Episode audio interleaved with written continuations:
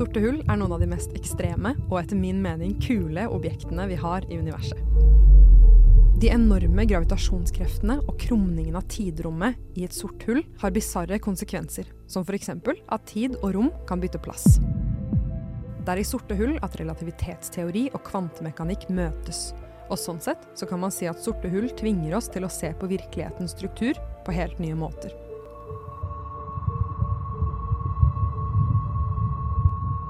I denne episoden er ph.d.-stipendiat Per Arne Sevle Myhr med meg for å bli bedre kjent med familien av sorte hull som finnes der ute. Fra de bitte, bitte små til de enormt, enormt store. Vi skal reise inn i et sort hull, og vi skal diskutere om vi kanskje bor inni et sort hull, og om verden kanskje bare er et hologram. Velkommen til livet, universet og alt. Hei og velkommen til en episode som handler om kanskje det mest episke som fins i universet, nemlig sorte hull. Hei Per, tusen takk for at du vil være her. Veldig trivelig å få lov til å komme. Vi skal virkelig i dag prøve å forstå kanskje de minst forståtte objektene i universet, og jeg gleder meg helt sinnssykt mye.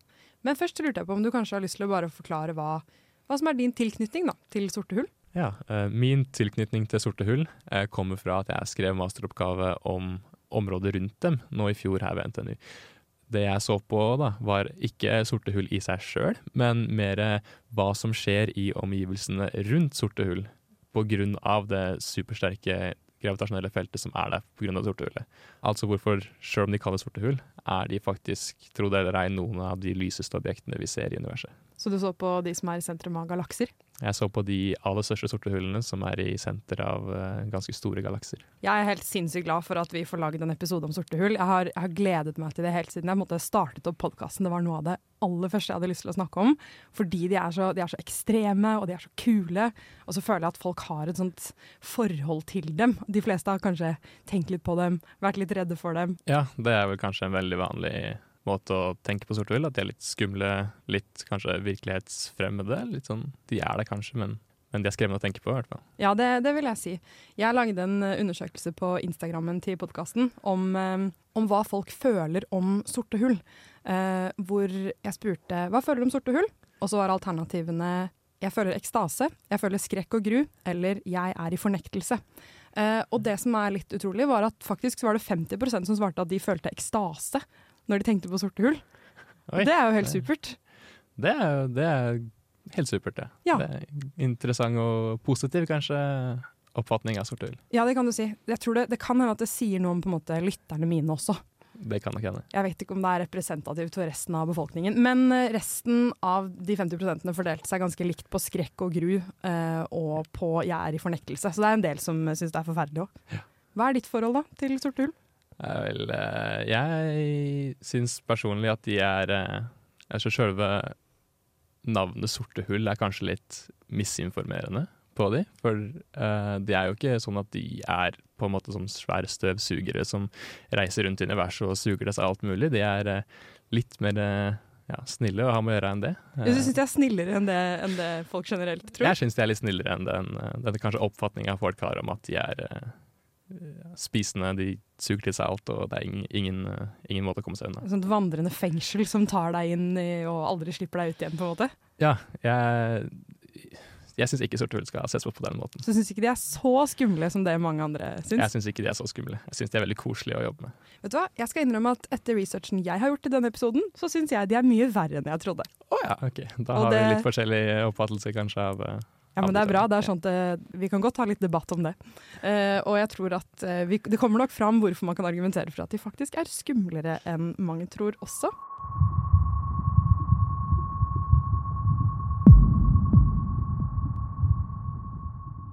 tenker at det er nyttig å bare starte rett på med hva er sorte hull? Hva på en måte er de bygget av? Vel, det er et veldig vanskelig spørsmål å svare på. Akkurat hva, hva de består av, eller hva de er bygget av. For det, alt vi kan si om sorte hull, kommer fra de beste teoriene vi har, som sier at idet man krysser noe som kalles for hendelseshorisonten, så har vi ingen mulighet til å finne ut hva som er inni. Ja, fordi når, eh, når folk ser for seg sorte hull, så tror jeg de ser for seg nøyaktig det det heter, altså et sort hull. Ja. Og det, det, er på en måte hendelseshorisonten? Ja, det er på en måte hvor eh, Ja, det er jo sånn man ville sett et sort hull, da man ser til der hendelseshorisonten er, og så har man ingen mulighet til å, til å se noe, noe nærmere enn det. Ok, Hva er det som foregår ved hendelseshorisonten, da? Vel, ved hendelseshorisonten så er det slik at idet du krysser hendelseshorisonten, så må det reise fortere enn lysets hastighet for å slippe unna igjen, og det er ikke lov i fysikken. Så det er der det er point of no return. Det er point of no return.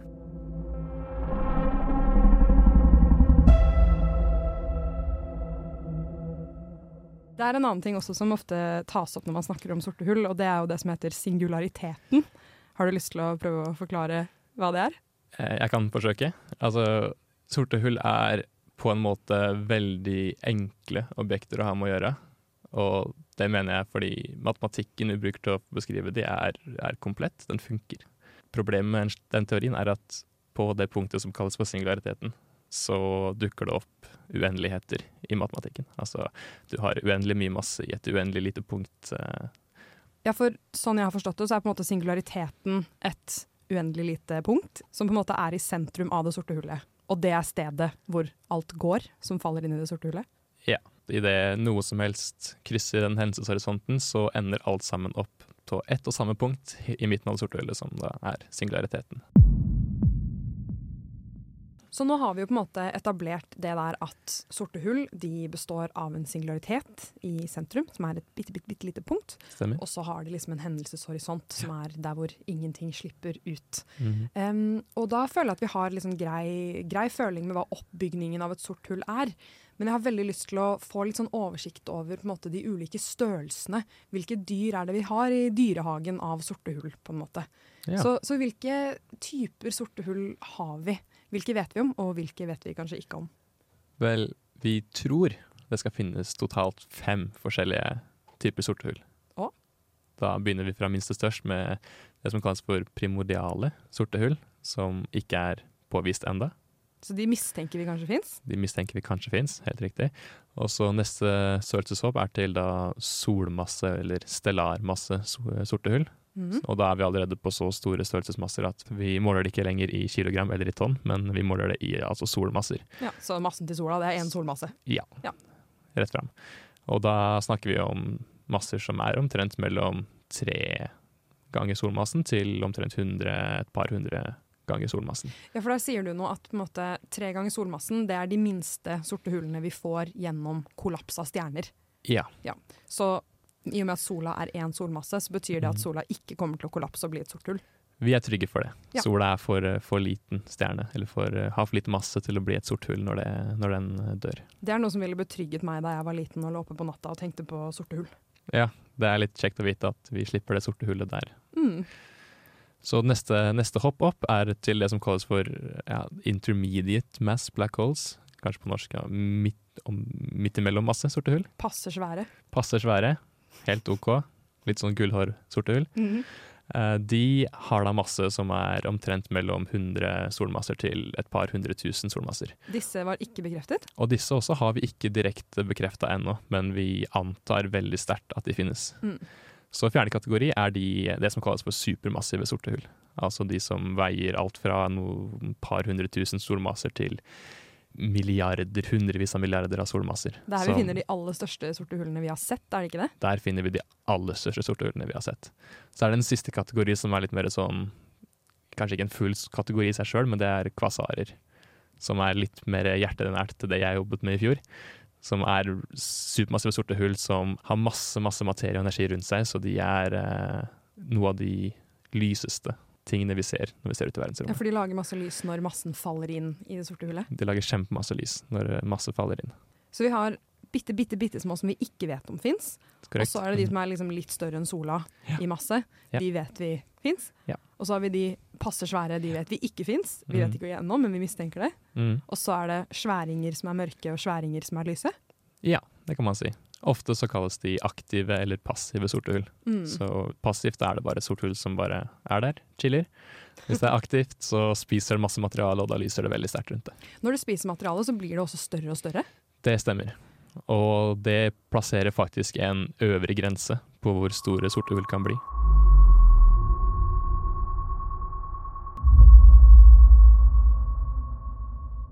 Kan du forklare hva som gjør at det fins en øvre grense for hvor store de kan være? Ja. Som sagt, eneste måten vi vet sorte hull kan bli til på, er ved stjernekollaps. Som at du trenger da stjerner som, som kollapser, og lager da sorte hull som er mellom tre, fire og et par hundre solmasser. Mm.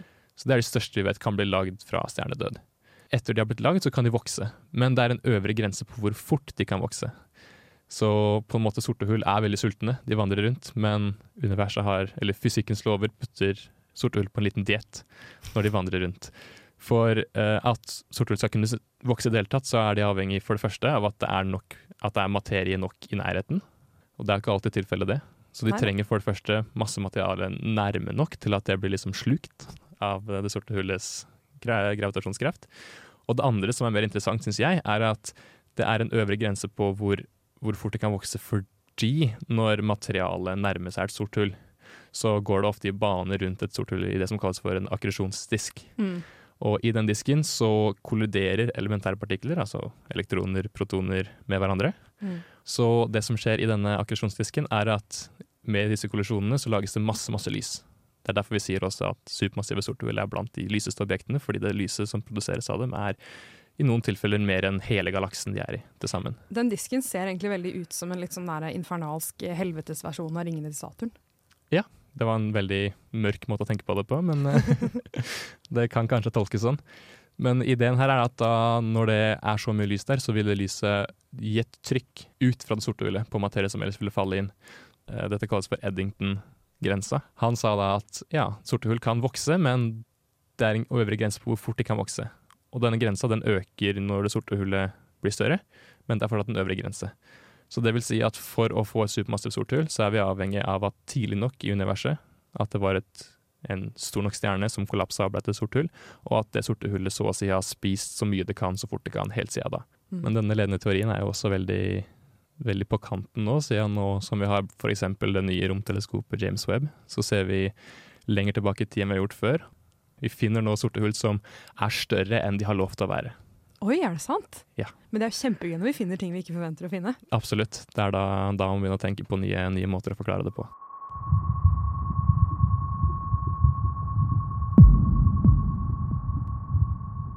Jeg har faktisk noen tall eh, før vi gir oss fullstendig med denne dyrehagen av sorte hull. Så det minste sorte hullet vi på en måte vet om, da, som er sånne solare sorte hull som kommer av kollaps av stjerner, Mm. de har en hendelseshorisont på ca. 9 km. Og det er jo en kort tur på langrennsski. Ja, Så det er jo ikke så veldig stort. det er ikke så stort. Og de største sorte hullene vi har, eller det største da, som heter Phoenix A, det er på 100 milliarder solmasser. Eh, til forskjell da fra tre solmasser. Og det har en hendelseshorisont på ja, ca. 600 milliarder kilometer, som er det samme som eh, avstanden fra sola til Pluto ganger 10, eller eventuelt 4,7 milliarder jorder på rad. Jeg syns det der med å sammenligne tall, det er ofte litt sånn vanskelig. Eh, fordi at når du sier sånn å, det er to milliarder ganger større enn et eller annet, det er aldri så veldig intuitivt å se for seg sånne ting. Men så fant jeg ut at hvis du bare sammenligner, sammenligner med penger, så, så føles brått sånne størrelser litt store. Som for eksempel, la oss si forskjellen på ikke sant, tre solmasser og 100 milliarder solmasser. Det er litt som forskjellen på å tjene tre kroner og tjene 100 milliarder kroner. Det gir et veldig forskjellig liv. Det er ganske stor forskjell mellom de. Noe av det jeg stusset på da jeg begynte å researche sorte hull, var jo på en måte at det er veldig mye masse som går inn og så lager en veldig liten hendelseshorisont, eller et veldig lite rommelig sort hull. Ja. Så der har jeg faktisk et lytterspørsmål som jeg syns illustrerte det her ganske fint, som var hvor stort ville et sort hull blitt dersom jorda ble til et sort hull? Ja, det kan vi jo tenke på. Eh, hvis jorda, hele jordkloden, hadde du pressa den sammen og prøvd å pakke den sammen helt helt til det hadde blitt et sort hull, så hadde ikke det sorte hullet vært større enn et lite blåbær eller en liten fingernegl. Bitte liten hendelseshorisont. Bitte liten hendelseshorisont. Det er jo nesten litt koselig. Så for å konkludere litt denne biten da om dyrehagen vi har av sorte hull, Mhm. så kan man kanskje si at vi på en måte har primordiale sorte hull, som er på en måte som mygg. Og så kan man kanskje okay, si at vi ja. har solare sorte hull, eller solmasse sorte hull, som er som, kanskje som rotter. Ja. Og så kan vi si at vi har de passe svære, som er liksom, kanskje som jerv. Og så har vi på en måte supermassive sorte hull, som er som liksom dinosaurer. Ja. Vil du si at det er en grei metafor? Jeg vil si at det er en interessant metafor. Det er ikke helt i scale, da, selvfølgelig. Det er litt større forskjell på disse størrelsene, egentlig. Men vi har jo bare disse dyrene å jobbe med. Vi har bare disse dyrene å jobbe med. Så en uh, sammenligning med en dyrepark tror jeg funker godt. Ok, Supert. Da tror jeg vi vet litt hvilke, hvilke sorte hull det er vi har å gjøre med der ute i universet. Ja, så bra.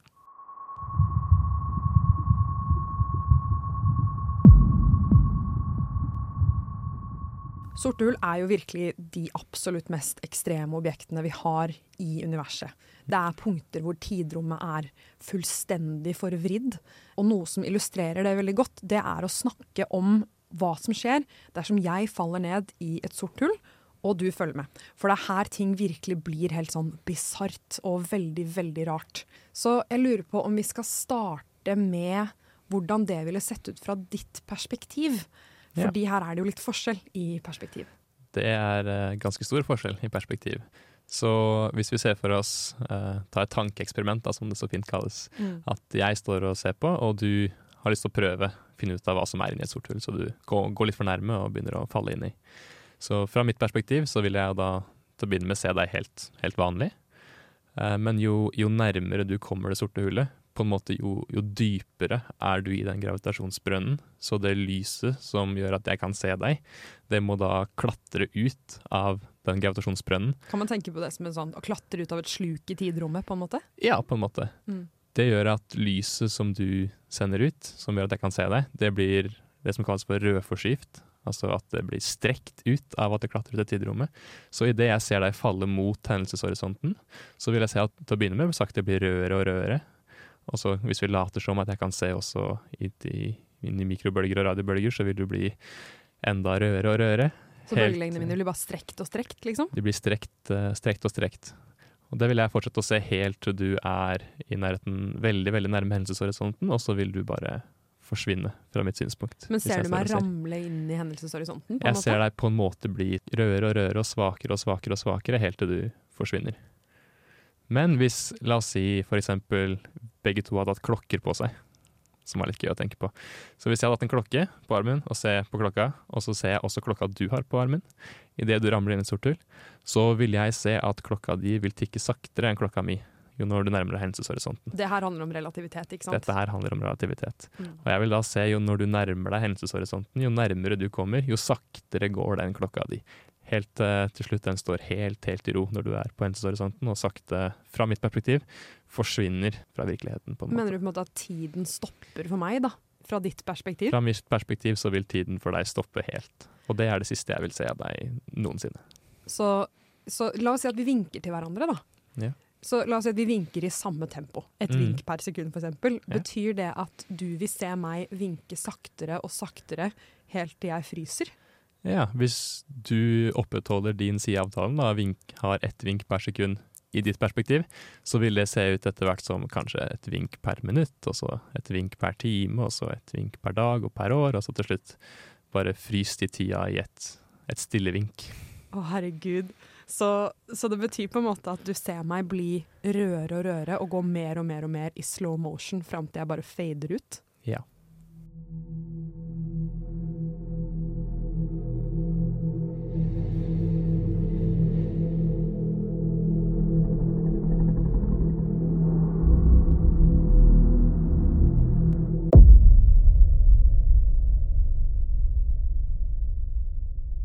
Da har vi litt kontroll på hvordan det ser ut for deg at jeg faller ned i et sort hull.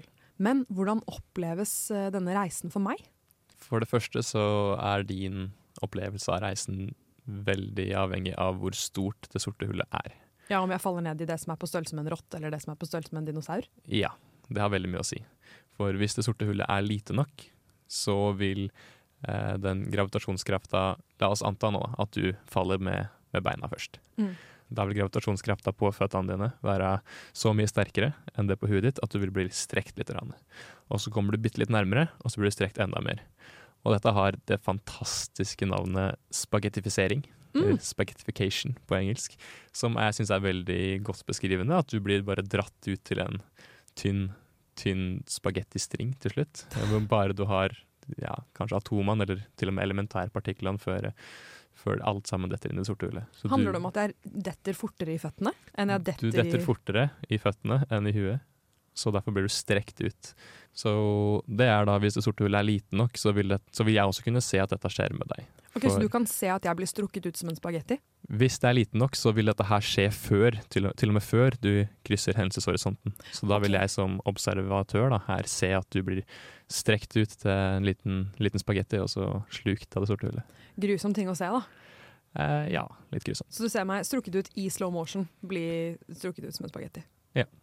Men hvis det sorte hullet er veldig litt, så skjer nok dette her også veldig fort, vil jeg se for meg. Ok, for at Her sier du nå at det går på en måte fortere å bli slukt av et lite sort hull enn et stort sort hull. Ja, for du har kortere vei å, å reise, kortere vei å bli slukt på.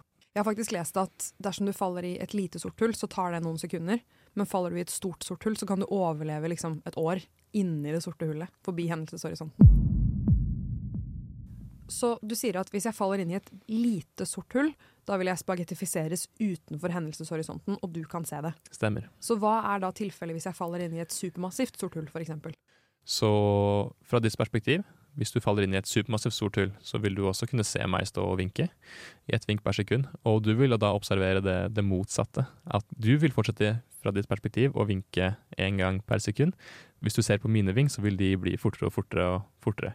Ifølge generelle relativitetsteori, eller en av, noen av våre sterkeste teorier av hva som skjer hvis du ram, når du ramler inn i et sort hull, så er det ikke sikkert du vil merke at du passerer hendelseshorisonten i det hele tatt, hvis det sorte hullet er stort nok. Så det eneste måten du kan se det på, er at du vil sakte reise mot et sort hull.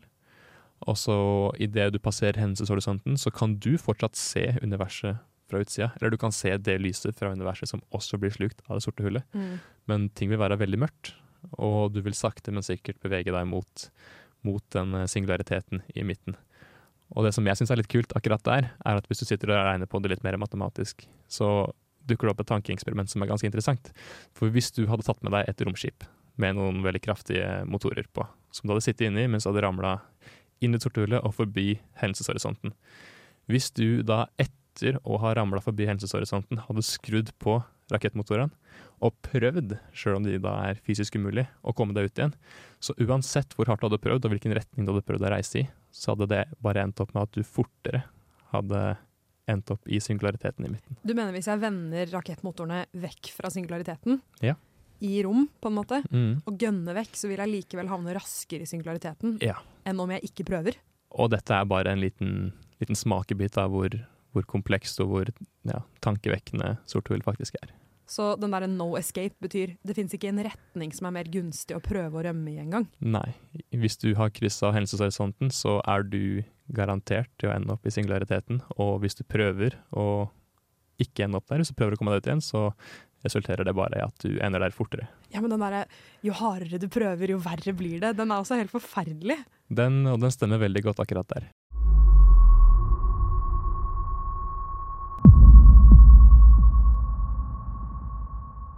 Men en ting som jeg har hørt om sorte hull, er nettopp dette med at tid og rom bytter plass når du har krysset hendelseshorisonten. Ja. Er det sant? Hvis du gjør sånn som vår godeste Svartskild gjorde, og finner en løsning da, rundt et, en punktmasse, eller la oss ta eksempelet vårt rundt et sort hull, så finner du at akkurat idet du befinner deg på hendelseshorisonten, så er det som å dele på null i det regnestykket. Og idet du kommer nærmere singulariteten, så bytter du fortegn på de delene i matematikken som har med tid og rom å gjøre, Pluss og minus, liksom? pluss og minus. Og da ender man opp med at det som var på utsiden av sorte hullet, var rom, ender opp å oppføre seg som tid. Og det som var tid utenfor, ender opp med å oppføre seg som rom. Så da kan man tolke løsninga som at å ja, den, den singulariteten er ikke en plass i rommet inni det sorte hullet, men heller en plass i tiden. Og da viser det seg at hvis man står på den tolkninga, så er da singulariteten et punkt som er uendelig langt fram i tid, og ikke et geografisk punkt, da, hvis du vil tenke på rom som et tredimensjonalt rom. Jeg har hørt noen si at um, hendelseshorisonten er det punktet hvor tiden stopper. Sett fra utsiden så er det det, for det er det punktet der hvor uh, man må reise akkurat til lyshastigheten for å slippe unna. Og lyshastigheten den sier ikke bare hvor fort lys beveger seg, men den sier også hvor fort informasjon beveger seg, så man kan se på det da som om akkurat der så fryser alt, alt som er. Det her er grunnen til at jeg syns sorte hull var verre enn jeg trodde.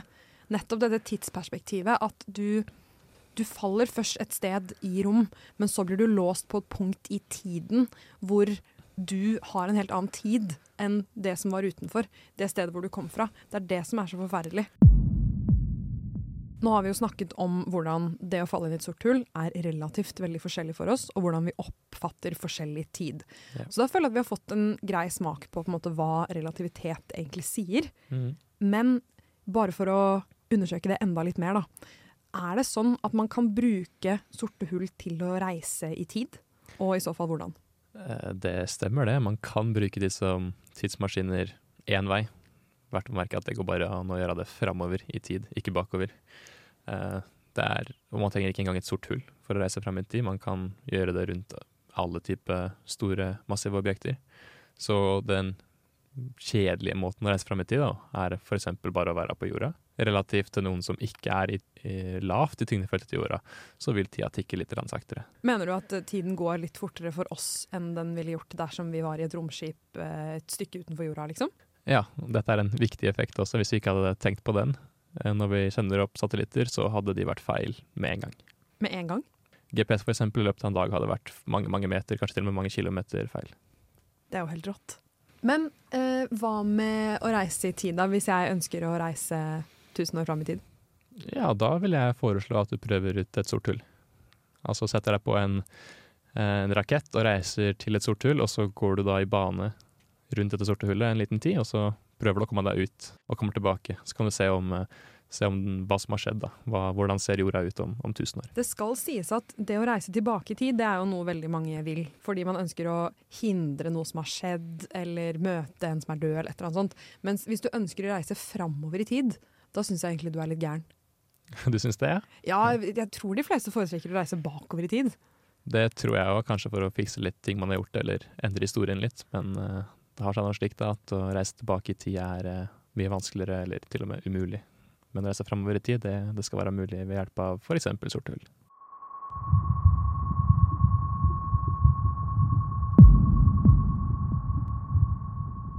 Nå har vi snakket om et scenario der jeg faller inn i et sort hull og opplever en del ubehageligheter, bl.a. spagettifisering og det å havne eh, nærmere og nærmere singulariteten. Et Ja. punkt i kanskje tid eller kanskje rom, et punkt i tiderom.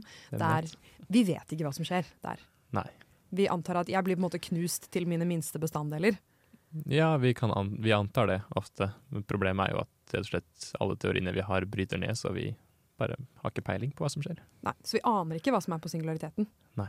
Men det jeg lurer på er, er det sånn at måte, informasjonen om meg, er den borte for alltid? Eller er den på et eller annet vis bevart? Jeg lurer på om du har lyst til å fortelle litt om det. Jeg kan forsøke, eh, for nå nevner du et poeng som er et veldig godt poeng, og som folk har klødd seg i huet på i mange, mange tiår. Nemlig det at eh, hvis man putter noe inn i et sort hull, så er det borte for alltid fra universet. Og det er en ting som ikke er mulig, ifølge den andre veldig sterke teorien vi har nå for tida, som er kvantemekanikken. Et av prinsippene der er at informasjonen er alltid bevart, uansett hva som skjer. Så det at i et sort hull, at informasjonen virker som om blir borte, det strider jo veldig med den andre teorien vi har, uh, som vi også bare har målt å være korrekt så langt. Så sorte hull er på den måten også veldig, veldig fine objekter å prøve å få en, en sammenkobling mellom gravitasjon og kvantemekanikk. Akkurat det problemet mellom gravitasjon og kvantemekanikk, at måte, teorien for det største og teorien for det minste, de er ikke venner. Det er jo det største problemet vi har i fysikk. Ja, men jeg vil også si at det er det største problemet vi har. Og det å prøve å finne en teori som kan beskrive begge deler samtidig, det hadde vært et av de aller største hipp hurra-øyeblikkene vi, vi kan, kan ønske oss. Mm. Så problemet her er rett og slett at vi vet ikke om informasjon er bevart eller ikke i sorte hull. Til å begynne med, fra et rent klassisk point of view, så er den ikke bevart. Altså man faller inn og man blir borte. Men eh, med kvantemekanikk så skal dette ikke være mulig, så folk har tenkt på nå i ganske, ganske mange år å prøve å beskrive sorte hull ikke bare med generell relativitetsteori, men også med kvantemekanikk. Og den første kjente personen som prøvde dette her, var Stephen Hawking. Du har kanskje hørt om Hawking Radiation, som er oppkalt etter han? Å ja da. Men jeg tror det er mange som vet at Stephen Hawking var en skikkelig skikkelig smarting, men ikke nødvendigvis vet helt hva han bidro med. Så jeg er veldig glad for at vi snakker om Hawking radiation her nå. Ja, jeg er også veldig glad for å snakke om Hawking. Jeg syns han fortjener den crediten uh, han fortjener. Ja, herregud, jeg er helt enig. Ja, så det han gjorde, var å, å prøve å tenke på hva som skjer på hendelseshorisonten, men fra kvantemekanikk, eller til og med noe som kalles for kvantefeltteori. Prøve å bruke det på hendelseshorisonten. Mm. Og nå skal jeg spare deg for detaljer, for jeg skjønner det ikke sjøl heller. Men det han konkluderte med, var at det er mulig, eller vår nåværende teori for kvantemekanikk sier at akkurat på hendelseshorisonten så vil partikler oppstå ut av ingenting. Dette er ikke unikt til, til hendelseshorisonten, dette skjer overalt i universet fra noe som kalles for vakuumenergi, som da lager to partikler f.eks. et elektron og et positron, som er antipartikkelen til et mm. elektron, og så krasjer de sammen igjen og annihilerer med en gang. Hvis dette skjer på hendelseshorisonten, så viser Stephen Hawking at den ene av disse to partiklene som blir lagd, hvis den blir lagd på utsiden av hendelseshorisonten til et sort hull, og den andre partikkelen på innsida, så vil den selvfølgelig den da, som er på innsida, vil ramle inn i det sorte hullet og fortsette å være en del av det, mens den på utsida vil reise av gårde. Og energien som blir brukt til å lage disse partiklene, den kommer fra det sorte hullet. Så det han viste, da, for å oppsummere, var at sorte hull er ikke så sorte som vi trodde, men at de stråler veldig, veldig svakt. Og da, hvis vi lar tida gå, gå lenge nok, så vil de til slutt fordampe vekk og bli borte. Ja, man kaller det fordamping. Man kaller det fordamping, mm. eller kan kalle det fordamping, ja. Og det er jo noe av det som er litt formildende rundt sorte hull. da. At uh, de er kanskje kosmiske støvsugere som spiser seg større og større, men de vil faktisk også forsvinne på et tidspunkt og bli mindre og mindre. da. Fra vår uh, nåværende forståelse så ja, ender vi opp med at vi har disse partiklene som er i Hawking-stråling, eller Hawking radiation, som da sakte, men sikkert stjeler litt eh, energi fra det sorte hullet og gjør at sorte hullet blir mindre. Mm, tror jeg setter beskrevet som at det lekker ut eh, energi. Det lekker ut litt energi, ja. Og da knyttes det litt tilbake til informasjonsparadokset, for da er det ikke helt utenkelig at kanskje noe av den informasjonen som ramler inn i et sort hull, altså f.eks. informasjonen om hvilke partikler du er lagd av, da, alle dine elektroner og protoner, informasjonen til de da etter hvert veldig lang tid fram i tid, det her, men at det til helt til slutt da kommer ut igjen i form av Hawking-stråling. Ja, eh, det der det syns jeg er helt sinnssykt rart. Fordi da betyr det at jeg, da, som består av en god del Jeg vil tro at jeg består av en god del elektroner, protoner og nøytroner. Jeg ramler inn i et sort hull. Og så blir jeg skvist i singulariteten i en eller annen ukjent struktur som vi ikke vet hva er. Og så ligger jeg der og murrer i enormt lang tid. Mm. Og så, gjennom Hawking-stråling, så vil informasjonen om meg helt til slutt i universets liksom, far future lekke ut. Mm. At den informasjonen handler om meg. Det er jo helt sinnssykt. Dette er en ganske sinnssyk tanke, men vi kan se for oss da at uh, teknisk sett, eller teoretisk sett, hvis det fins en eller annen supersivilisasjon om veldig, veldig lang tid fram i tid, som da kan samle hver eneste lille partikkel fra Hawking-strålinga, hvert forton, hvert graviton, hver eneste partikkel som kommer ut, så vil de da kunne rekonstruere deg. Og du vil være tilbake igjen til slutt. Åh, det er jo en måte å bli på en måte foreviget på. Ja. Så for å oppsummere det, da, så hadde man informasjonsparadokset, som handlet om kan man miste informasjon når noe faller inn i et sort hull. Det bryter tydeligvis med alt kvantemekanikken sier. Ja. Og så har vi Hawking-stråling, som mm. potensielt er en slags løsning på det. Kanskje, da. Som ja. forteller at nei, informasjonen som er i et sort hull, vil en dag slippe ut. Ja, det stemmer. Mm.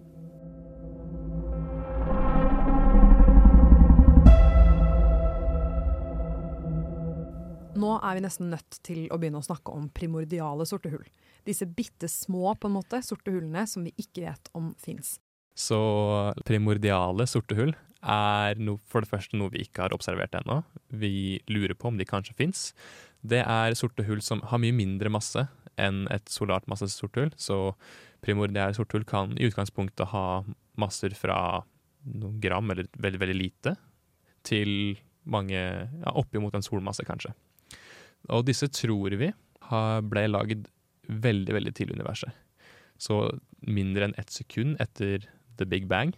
Eller til og med så tidlig som under inflasjonsperioden i universet, som var veldig, veldig kort tid. Eh, helt på starten av universet, hvor universet på en måte ble opp ble veldig fort. stort. Blåste opp veldig veldig fort. Mm. Fin måte å si det på.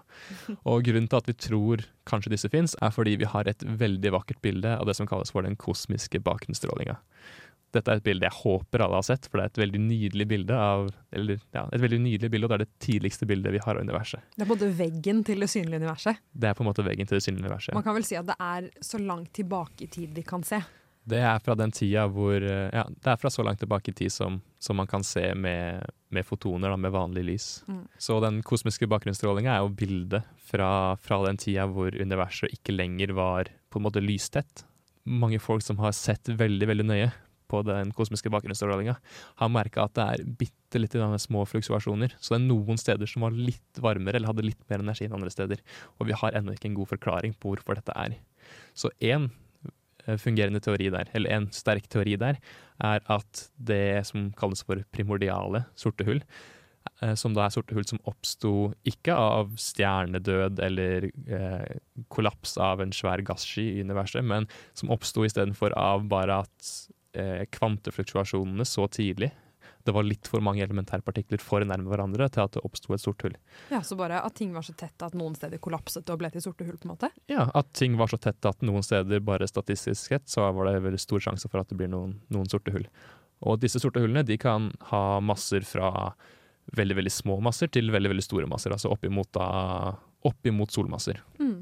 Det er på en måte den, den letteste, av mygg, myggsortehullene. som de så fint sa Ja, tidligere. myggen, myggen i, i dyrehagen, som jeg snakket om. Ja, dette er myggsortehullene.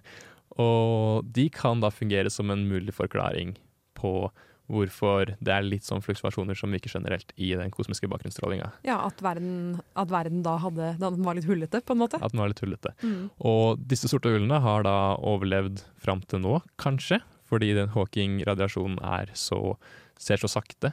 Så vi tror altså at det finnes sorte hull som ble dannet veldig veldig kort etter Big Bang, som fremdeles eksisterer der ute? Det er noen som tror på det, eh, og da vil disse sorte hullene reise rundt, være rundt overalt i universet. Men vi vil ikke kunne se dem, fordi det er sorte hull, og det er ikke noe mye masse rundt dem. Eh, Men de vil fortsatt interakte med hverandre via gravitasjonskrefter, så de vil på en måte dra på alt materialet også fortsatt. Og en annen ting som har litt samme evner, er det som eh, kalles for mørk materie, som fysikere er veldig glad i å snakke om. Ja, Det er ikke så veldig rart, da, fordi mørk materie er Det er sykt mye av det, og vi aner ikke hva det er. Ja. Og det er kjempeviktig for universet. Ja, det bør være så å si overalt. Spesielt der, der hvor det er mye materie, bør det også være mye mørk materie. Ja. Og mørk materie den interakter med vanlig materie gjennom gravitasjonskrafta, som da, da også sorte hull vil gjøre. Det har gjort at disse primordiale sorte hullene er, eh, har blitt tenkt på som en kandidat til å være mørk materie. Altså at de sitter der, veldig vanskelig å se, nesten umulig å se, og binder eh, galakser litt mer sammen. Ok, Så for å oppsummere, så er det sånn at mørk materie det er noe vi vet ca. 85% av all massen i universet er. Ja. Det er noe, det er tungt, men det interagerer ikke med lys. Det reflekterer ikke lys eller noe. Men vi kan se at det gravitasjonelt påvirker den massen som vi består av. da. Ja. Som er materie, kan man Ja. kanskje si. Eh, og du sier da at primordiale sorte hull, disse mm. liksom mygghullene, de minste, at de er en kandidat til å være mørk materie. Det er de.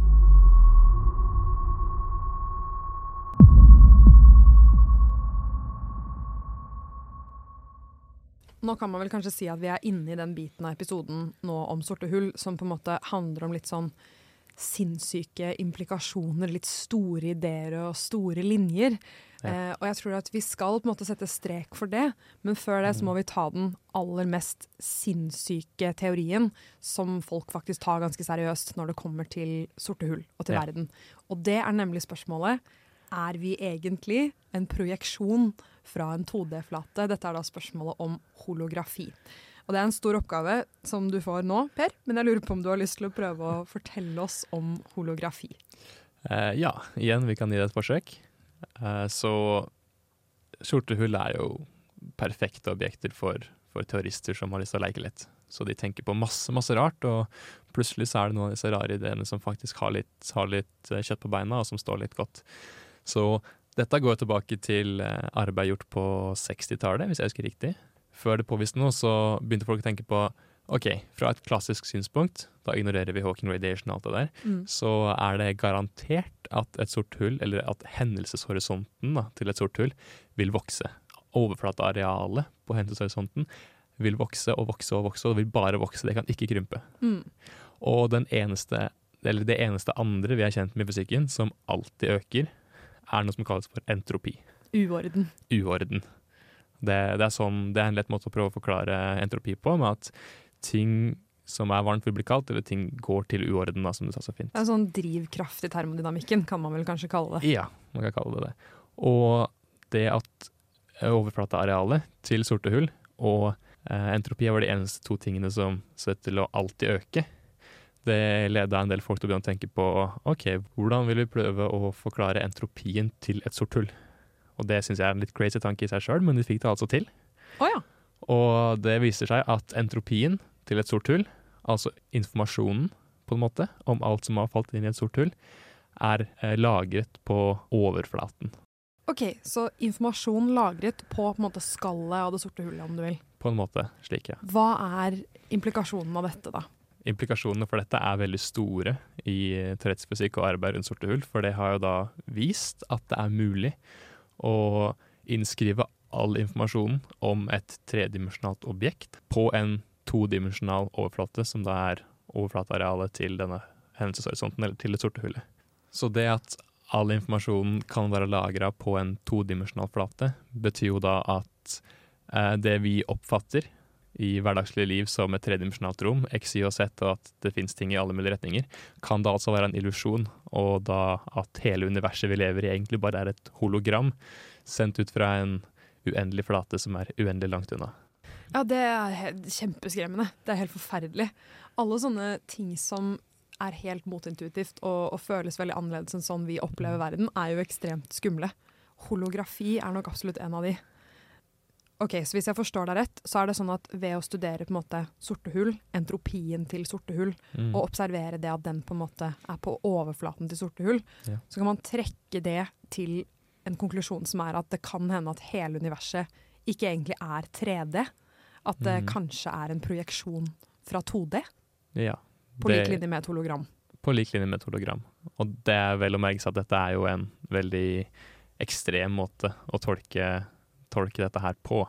Men det viser seg jo at uh, ideen om hologram og holografi, som det kalles, er, uh, er, veldig essensiell i dagens moderne teoretiske forskning. Og det er mulig, eller jeg skal si det er ikke umulig at dette kan, kan føre til en eventuell forklaring av gravitasjon fra et kvantemekanisk standpunkt. Altså en teori om kvantegravitasjon. Ja, ikke sant? så det kan løse dette store problemet med at kvantemekanikken og gravitasjonslovene på en måte ikke forenes. Er vi heldige? Selv om teorien er litt rar og spekulativ, så, så er det ikke umulig at, at, vi kan finne en slags kvanteteori fra, fra holografi. Ja. Det er jo good news å løse det problemet, men å få beskjed om at vi egentlig ikke er 3D, men at vi er en uh, projeksjon fra en uh, eh, 2D-flate uendelig langt unna, det er bad news for meg. Det høres kanskje så fælt ut, men uh, det vil jo ikke påvirke oss veldig mye. Da. Altså, Nei, det er, jo ikke som forandrer seg. Verden stopper jo ikke hvis vi finner ut av det her. Det skjer jo ingenting med oss. Vi må fortsatt finne ut hva vi skal ha til middag og sånt, selv om vi kanskje føler at vi er en uh, projeksjon. Ja, det leder nok til litt eksistensielle kriser rundt omkring, men uh, hverdagslig livet bør jo ikke bør jo ikke forandre seg noe pga. det her. Personlig syns jeg det er viktigere å avsløre universets underliggende strukturer heller enn å føle at, uh, at det går bra.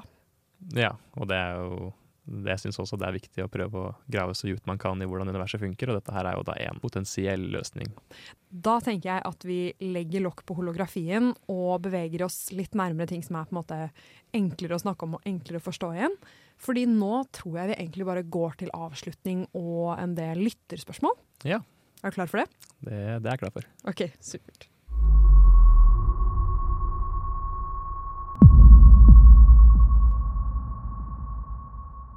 Alright, da har vi kommet til lytterspørsmål. Og jeg tror vi starter med et litt enkelt et, i og med at vi har vært uh, inne i ganske heavy shit.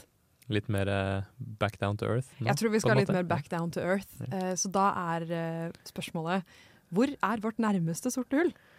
Åh, oh, det er et godt spørsmål.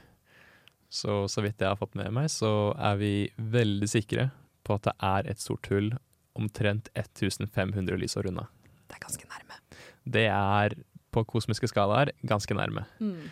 Men så tror vi også kanskje at det fins noen sorte hull i en eh, slags gassky eller nebula som bare er 150 lysår unna. Så altså ti ganger nærmere enn det, det vi veit er der. Altså 150 lysår, det vil si at hvis du reiser med lysets hastighet, så tar det 150 år å komme dit. Ja. Det er jo ikke et menneskeliv, men det er på en måte i nærheten av lengden på et menneskeliv. Og det, da tenker jeg alltid at det er veldig kort. Ja, det er litt mer sammenlignbart med dagligdags liv. Mm. Og en teori jeg liker veldig godt, er at her på jorda så opplever vi litt sånn uforutsigbare meteorittsvermer som noen tror kan skyldes at det er et ganske tungt objekt i utkanten av vårt eget solsystem, som av og til kaster litt ekstra materie, litt ekstra asteroider inn mot senteret av solsystemet, altså mot jorda. Ja vel? Og siden dette er et veldig tungt objekt som vi ikke kan se, da, så er det ikke umulig å tenke seg at dette kan være et sort hull. Og jeg liker veldig godt den ideen om at de er ikke så langt unna som man tror, at vi kanskje da, har et lite, sånn, et lite sort hull som følger etter sortsystemet vårt. Vårt lille ja, nabolag sort hull. Det syns jeg er en veldig hyggelig måte å snakke om det på. Og det er liksom en, en liten sånn katapult som kaster på en måte romgrus på oss. Ja, vi har sett at det kommer liksom asteroider, meteoritter fra et sted i utkanten av solsystemet, og vi har ennå ikke noen god forklaring på, på hva som gjør at de kommer inn. Ja, la oss håpe at det på en måte holder seg stabilt langt unna, da. Det holder seg stabilt langt unna. Jeg tror vi gønner kanskje litt videre. Da blir det nok litt mer heavy igjen, men vi skal prøve å holde det, vi skal prøve å holde det forståelig. Mm. Det er da hvilke teorier har man for hva som er i enden av et sort hull, altså i singulariteten? Vel, det er på en måte tre muligheter for hva som er i enden, eller hva som er i singulariteten. Det første er at vi tar, tar Einsteins generelle relativitetsteori ligning for ligning, da, eh, kan man si, og bare at det ender opp med at tid og rom går til uendelig, og at vi deler på null og alt sammen er gærent, men at det bare er måten universet funker på. Og det syns jeg det er vanskelig å tenke på. på en måte? At virkeligheten kollapser, og da får du jo ideer om at å, kanskje det leder til et nytt univers, eller eh, ja, alle disse andre ganske science fiction-tilhørende ideene. Eh, En annen mulighet er jo, som kanskje er litt finere, er at det er et fysisk objekt der, som kan da være en slags type kvarkstjerne. Så kvarker er jo på en måte de mest fundamentale partiklene vi har? Det er de mest fundamentale, det er de som bygger opp både protoner og nøytroner. Så det er på en måte neste steg, da, hvis du tenker på eh, videre fra nøytronstjerner. Mm. At da hvis det er enda tyngre, så er det kanskje ikke umulig at det oppstår en slags kvarkestjerne, hvor du bare har kvarkene for seg sjøl, som flyter rundt eller er solide rundt i et objekt. Og da, da det en slags stjerne, kan man kalle det, da, i midten av et sort hull. En veldig tett kladd som da, vi da ikke kan se fordi hendelseshorisonten er der. Men det, det unngår jo det at det er en uendelighet der. Mm. Det er bare en liten slags eh, demonstjerne som man aldri vil kunne se. Ja. Den tredje og siste muligheten er jo kanskje det som er mest interessant, og det er bare det at du rett og slett ikke vet. Og det betyr jo at det er mer, mer jobb å gjøre, men det skumle der er jo at vi kanskje aldri kan vite. Det er ikke et mysterium som kan løses, på en måte. Eh, ikke fra utvendig, så da får vi kanskje prøve å sende deg inn med en eller annen smart måte å få, Få få stjålet noe informasjon ut igjen. Åh, ja. Få se om det blir mulig.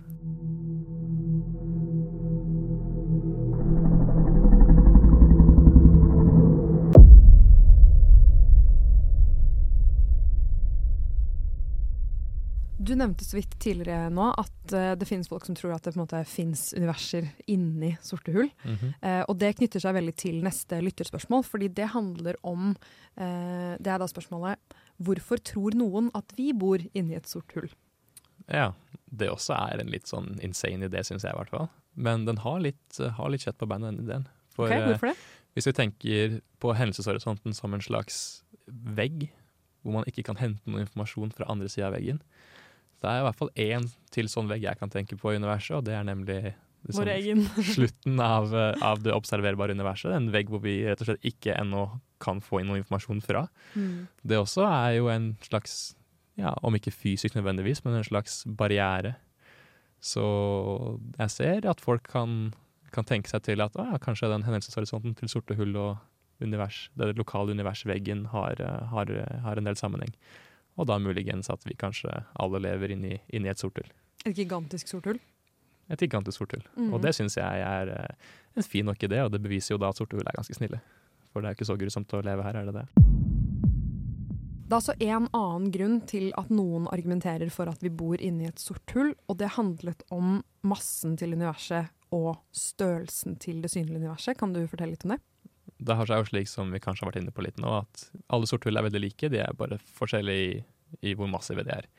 Så viser det seg da at hvis du hadde tatt all massen vi tror fins i universet, eller i det observerbare universet, og putta alt sammen inn i ett superdupermassivt sort hull, så ville det sorte hullet hatt en eh, radius fra singulariteten til hendelseshorisonten som er omtrent like stort som hele det observerbare universet. Så grensa på det observerbare universet er like stort som om vi bare hadde vært et sort hull? på en måte? Den er like stor som om vi hadde vært i et sort hull med en masse som tilsvarer all massen vi tror finnes i universet. Så det er en ganske mystisk korrespondanse. Så er spørsmålet da om det er, eh, ja, det er helt tilfeldig, eller om det er noe mer, noe mer bak her. Det betyr at vi bor i et sort hull? Kanskje det. Åh, hvis vi hadde bodd i et sort hull, så hadde jeg lurt veldig på hva som var på utsiden av det.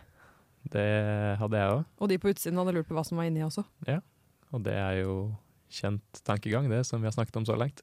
ja da. Ja, ja.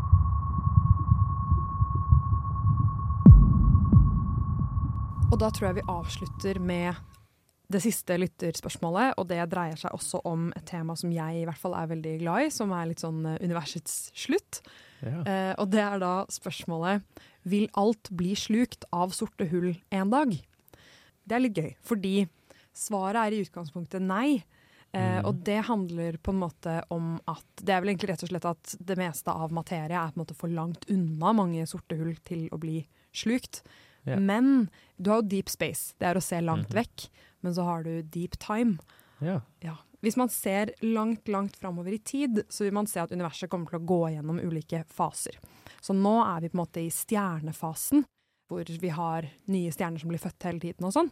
Men etter hvert så vil på en måte den bensinen som gir de stjernene, den vil på en måte brenne ut, da, og så vil ting begynne å kjøle seg litt ned. Mm. Og da når vi noe som heter the degenerate fase, og der, der lever det kun døde stjerner, da, likene på en måte etter stjerner, og det vil da være sorte hull, og så vil det være liksom ulike kollapsede stjerner og nøytronstjerner og sånn. Og her kommer på en måte svaret.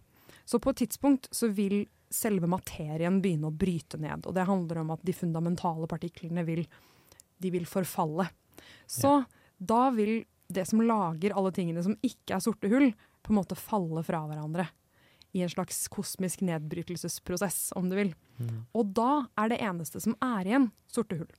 Ja. Og det heter the black hole era. Og den mm. skal på en måte treffe oss om sånn ca. ti opphøyd i 40 år, da. Så det er ganske lenge til. Ganske lenge til. 10 med 40 nuller etter, etter hverandre. Det er veldig langt. Men det betyr at på et tidspunkt så vil de eneste strukturene som er igjen i hele universet, vil være sorte hull. Så ja, det vil bare være sorte hull igjen, men det er ikke fordi de har spist alt annet.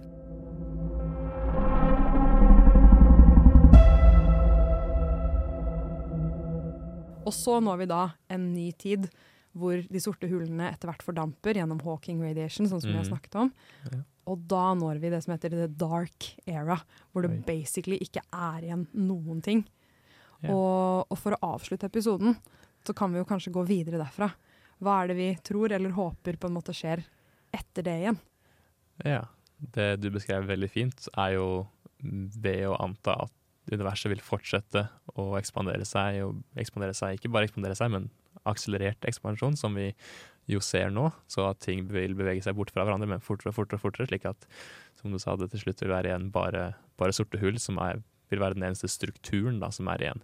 Og når disse da har vandret rundt da i enda lenger utenkelig nesten lang tid, så vil de til slutt da også ha fordampa, og alt som er igjen i universet er individuelle fotoner som reiser rundt omkring. Lyspartikler. Lyspartikler. Og det som er interessant der, og som jeg syns er en veldig, veldig vakker idé å tenke på, er at siden lyspartikler, fotoner, beveger seg i lysets hastighet, så opplever ikke de tid som, som jeg du er vant med. Eller de opplever ikke tid i det hele tatt. Og da gir det ikke lenger mening, verken fysisk eller matematisk, å snakke om en størrelse på universet. Så en veldig fin teori her er at når vi har nådd det som da blir universets ende, Hvor tid Så- ikke betyr noe lenger, på en måte? hvor tid ikke betyr noe lenger, så er det ingenting som sier at universet er så og så stort. Så da kan like gjerne universet være kjempestort, nesten uendelig stort, eller uendelig lite. Og hvis du da sier at universet er uendelig lite, da går du da tilbake til et big bang. Så kanskje hele universet har en slags syklisk oppførsel med at det begynner nå, og nå er vi veldig tidlig i den sykliske fasen. Og når det bare er fotoner igjen, så vil på en måte universet bli reskalert, og vi vil ha et nytt Big Bang og et nytt univers. Og Det er noen veldig smarte folk, blant annet en fyr som heter Roger Penrose, som fikk nobelprisen i fysikk for sitt arbeid med svarte hull for ikke så altfor mange år siden.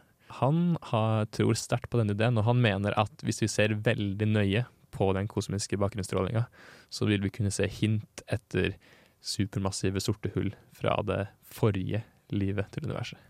Og det syns jeg er en helt vakker og, men ganske insane idé. Det er den måten jeg håper at det fungerer på. Det er på en måte en, ja, om ikke nødvendigvis lykkelig slutt, i hvert fall en lykkelig ny start. Eh, jeg håper, eh, jeg håper, du har rett, og det hadde vært helt sinnssykt kult om vi på en måte klarte å detektere de forrige frøene til de forrige universene i, i bakgrunnsstrålingen, som du sier. Det hadde vært veldig kult å få til. Jeg syns det er et fint sted å gi oss, egentlig, med universets eh, potensielle slutt og potensielle begynnelse. Ja, naturlig, naturlig sted å slutte. Mm. Tusen, tusen takk for at du har vært med og tatt for deg de sinnssyke objektene som er sorte hull, og de sinnssyke implikasjonene som de har for virkeligheten. Jo, takk. Takk for at jeg fikk komme og være med og snakke litt om eh, noen objekter jeg liker veldig godt. da. Og jeg også, selv om jeg syns de er litt grann skumle. Og jeg syns fortsatt de er ganske snille og søte. ja, men Det er veldig bra. Ok, Tusen, tusen takk. Da tror jeg vi bare kan si ha det. Ha det. Ha det bra. Du har lyttet til Livet, universet og alt. Hvis du har et tema du vil at vi skal snakke om, eller hvis du er ekspert og gjerne vil snakke om ditt tema, så kan du ta kontakt på Instagram Livet, universet og alt. Liv, universet og alt i ett ord. Takk for at du hørte på.